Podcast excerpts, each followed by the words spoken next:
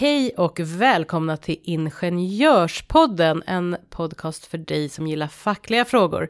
Vi kör varannan vecka och eh, det är jag, Jenny Rosenbaum, tillsammans med min kollega Rickard Levin. Ja, och vi är ombudsmän här på Sveriges Ingenjörer. Eh, Ingenjörspodden består av frågor från dig som lyssnar, dig som är antingen medlem, fackligt förtroendevald eller annan härlig lyssnare som bara tycker att vi är intressanta att lyssna på och ha frågor till oss. Och hur gör man Rickard när man ska skicka in frågor till oss? Då skickar man dem till Ingenjörspodden, eller ja, Ingenjorspodden blir det väl i skrift, snabel sverigesingenjorer.se. Ingenjorspodden snabel sverigesingenjorer.se. Absolut, gör man så. Och eh, vi finns ju att lyssna på. Om ni lyssnar så har ni såklart hittat till oss. Men eh, eh, ni kan väl också prenumerera, trycka på prenumerera-knappen så får ni reda på så fort ett nytt avsnitt har lagts ut. Men vi kör som sagt varannan vecka. Kommer vi med nya avsnitt. Och ja, Rickard, jag tycker bara vi kör igång helt enkelt.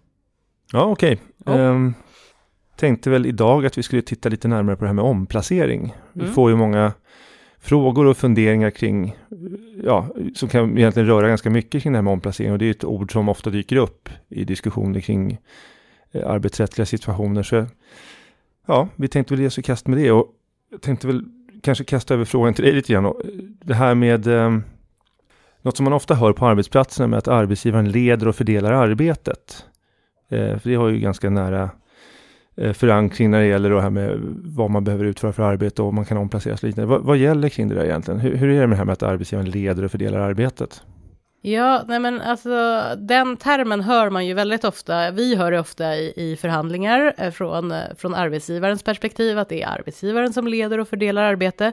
Och det handlar ju eh, i grunden om någonting som är just arbetsledningsrätten. Och den kan man faktiskt säga går väldigt långt tillbaka i tiden, hela vägen till 1906. Eh, då var det någonting som hette decemberkompromissen och det var mellan LO och SAF. Och då tänker ni att ni inte vet vad SAF är och då ska jag förklara att det är, ja, vad är det Rickard? Det är Sveriges Arbets arbetsgivarförening föregångaren till Svenskt Näringsliv. Precis, det är, det är så många term, termer här och ord så vi för, försöker att eh, eh, rodda även i detta. Men det var då LO och SAF och de kom då överens om just den här arbetsledningsrätten och det är ju just att arbetsgivaren har rätt att leda och fördela arbete och det i sig, Rickard, tycker väl inte vi är jättekonstigt? Nej, det är väl kanske egentligen i grunden inte så konstigt. Sen så eh, finns det begränsningar för den arbetsledningsrätten i form av arbetsrättslig lagstiftning och kollektivavtal. Mm. Man kan väl säga också att det här förstärktes eller återkom i Saltsjöbadsavtalet 1938 mellan parterna igen då, så att eh, det är väl inte någonting som ifrågasätts på arbetsmarknaden egentligen, att arbetsgivaren leder och fördelar arbetet. Nej, precis. Men eh, då när man ska koppla det här till omplacering så kan man ju tänka att inom ramen för eh, den här arbetsskyldigheten eller ramen för anställningsavtalet så kan det ju vara så att man, man eh, också kan komma att bli omplacerad. Och eh, det betyder ju inte att man eh, exakt har nu ska vi se om man kan förklara på ett bra sätt, att man, man, man, man kanske inte får exakt samma uppgifter som tidigare. Men arbetsgivaren kanske ändå har en rätt att omplacera. Var det, var det, ja, men det är väl, var det ehm, bra förklarat? Vi, vi det är väl lite så, alltså, ja. som, om du pratar om tjänstemännens mm. situation så har ju vi en eh, Jobbar man som tjänsteman så, så kan man ju tvingas utföra arbetsuppgifter. Alltså anställningsavtalen är oftast inte så avgränsade eller mm. begränsande i, i sig utan man kan sättas på andra arbetsuppgifter än de man har jobbat med hittills så länge de ligger inom ramen för ens kompetens såklart också. Mm. För att vi, vi pratade ju lite innan vi satte igång inspelningen här och det är inte helt lätt att liksom på ett lätt sätt förklara det här. Eh, vi kommer nog tangera vid omplacering i eh, flera avsnitt, men man kan väl säga att dels så finns den här eh, rätten att bli omplacerad inom ramen för anställningsavtalet då, som, som Rickard också pratade lite om. Men sen är det ju så att eh, när det handlar om exempelvis arbetsbrist, då finns det ju utskrivet i sjunde paragrafen LAS att för att ha saklig grund för en eventuell uppsägning av arbetsbrist, då måste man göra en omplaceringsutredning för att se om det finns helt enkelt lediga befattningar. Och det här är ju innan någon typ av turordning finns eller ja, innan det ens har egentligen konstaterats en hel, att det är arbetsbrist.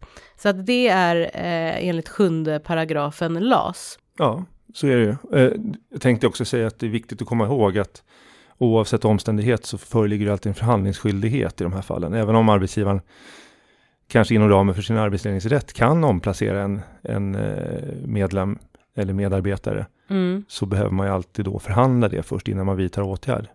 Precis. Ja, omplacering eh, kan ju vara, man kan ju bli omplacerad antingen på grund av arbetsbrist, man kan ju faktiskt även bli omplacerad på grund av personliga skäl, eh, exempel att man inte funkar i gruppen. Ja, personliga skäl är ju någonting som, det kan ju vara en massa olika mm. saker, det kan ju vara kan inte den vanligaste vara att man just inte... Samarbetssvårigheter? Ja, men du. precis. Ja, det kan ju vara en variant mm. eller ja, att av andra skäl inte funkar riktigt. Mm. Um, och kan man konstatera att det verkligen är så, uh, då har ju arbetsgivaren först en omplaceringsskyldighet som du var inne på nyss då enligt sjunde paragrafen i LAS, mm. men sen kan ju det faktiskt leda till uppsägning mm. i slutändan. Precis, men att den här skyldigheten att ändå försöka omplacera, det är ju liksom steg ett i den här processen kan man säga. Ja, men det är ju så, det sista arbetsgivaren ska göra, eller behöva göra mm. egentligen, är att säga upp. Mm. Utan när det gäller arbetsbrist och eh, uppsägning på grund av personliga skäl så ska man alltid göra en prövning mot, mot mm. lediga tjänster först. Och det som händer eh, och som vi ofta får frågor om, det är ju just att ja, men nu har det kommit ett sånt här omplaceringserbjudande då och eh, då är det så att vår medlem kanske, eh, ja, man tycker inte att det verkar kul, man tycker inte att det verkar intressant, man känner inte för att ta det eller vad det nu må vara. Vad säger vi då, Rickard, för att eh, hur ska man reagera när man får ett sånt här erbjudande? Ja, eh, för det första så ska erbjudandet vara personligt. Man ska ju veta vad som gäller för tjänsten som erbjuds i fråga och man ska också egentligen veta vad som händer om man inte är intresserad, alltså om man tackar nej. Eh, och vad att, händer om man tackar nej? Om vi börjar där, alltså mm. om man tackar nej så riskerar man att bli uppsagd helt enkelt. Mm. Eh, när det gäller övertalighetssituationer så kan man bli uppsagd på grund av arbetsbrist. Och när det gäller personliga skäl, just av personliga skäl då. Och det, det, det måste man vara medveten om. Mm. Um, sen kan det ju vara så att man uh, kanske inte känner att man har kompetens nog för tjänsten i fråga. Och, alltså, då kommer vi in på det här med vad som egentligen är skäligt i ett erbjudande eller inte. Mm. Och, eh, Men kompetensen, då tänker du att eh, man oftast har för hög kompetens eller tänker du att man har det kan ju vara åt båda håll. Ja. Oftast kanske det är som du säger i ja. praktiken att man, man känner sig överkvalificerad till det erbjudandet som man har fått. För ofta kan man väl bara lägga till då att det erbjudandet man har fått, det är ju också en lön som, som kommer med det, med det erbjudandet och det behöver ju inte vara exakt den lönen man har. Nej, och har man inte det, då är det ju ganska ingripande i, i ens tjänst så att säga. Ja, alltså i en situation som vi nu är inne på det här om det föreligger en övertalighet mm. eller arbetsbrist i slutändan och personliga skäl så så är alternativet troligtvis uppsägning. Och då måste man ju först titta på den här typen av omplaceringsmöjligheter. Och om det är så kallat skäligt eh, att kräva att man kan, att man kan utföra den här tjänsten, mm. alltså kompetensmässigt, och villkoren som erbjuds rimliga, alltså utifrån tjänsten i fråga, då då bör man ju tacka ja till den om man nu inte vill bli uppsagd. Men vad är skäligt då? För att jag menar, jag kan tycka att man har, sitter i många situationer och så, så det första som kommer ut är att men det här är inte skäligt. För, och det är kanske också ganska naturligt mm. för att man vill ju ha kvar sin tjänst och då vill man inte äh, att chefskapet äh, eller att de här extra eh, ja, meriterande uppgifterna som man gjorde, att de försvinner och dessutom att det blir några tusenlappar kanske avdrag på lönen. Det känns ju inte skäligt. Nej, alltså det kanske inte känns skäligt. Och, och sen ska man säga att allting beror ju på omständigheterna mm. såklart.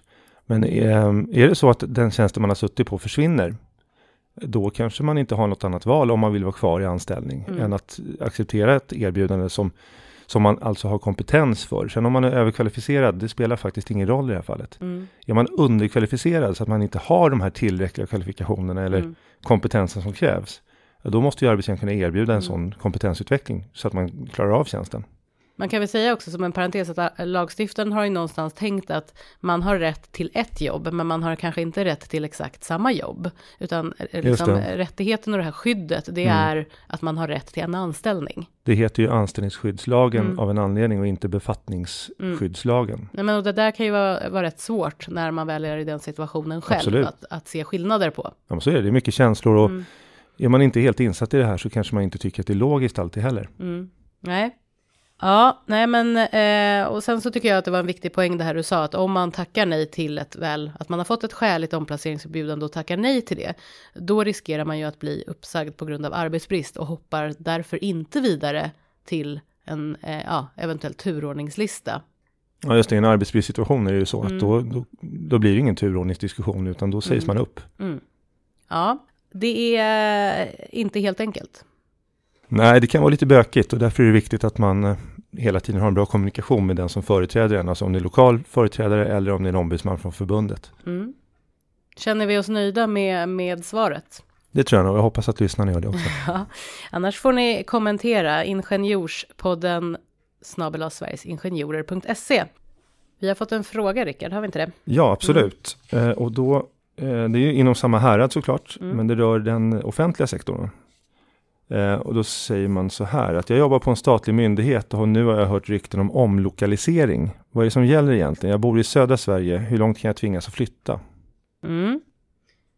Um, ja, det här har ju liksom varit på tapeten. Om man tänker vad vi precis pratade om med, med skäliga omplaceringserbjudanden. Om man tittar på den privata sidan, då brukar man ju säga eh, när man pratar om avstånd så brukar man prata om pendlingsavstånd. Men eh, nu handlar... Vad kan det vara? Förlåt att jag avbryter. Men... Pendling, ja, nej, du får avbryta mig hur mycket du vill. Ja, tio Pe mil eller en timme? Ja, alltså. men det finns, precis. Jag tror att det faktiskt finns något rättsfall där tio mil faktiskt var okej. Okay. Mm. Um, men rent praktiskt så kanske det är runt en timme då? Eller hur, något, något sånt. Ja. Det fanns något annat rättsfall som jag läste om och då var det just, ja men det var verkligen söder och norr. Mm. Eh, många, många timmar. Det var inte skäligt. Ja, det. Men det är på den privata sidan kan man säga. Ja. Mm. Sen kan man ju själv tycka att det är oskäligt att så här, jag eh, har en situation där jag hämtar och lämnar på förskola och jag ja. har fem minuter till jobbet. Det är helt orimligt för mig att jag ska, eh, liksom, det är inte skäligt att jag ska sitta och resa.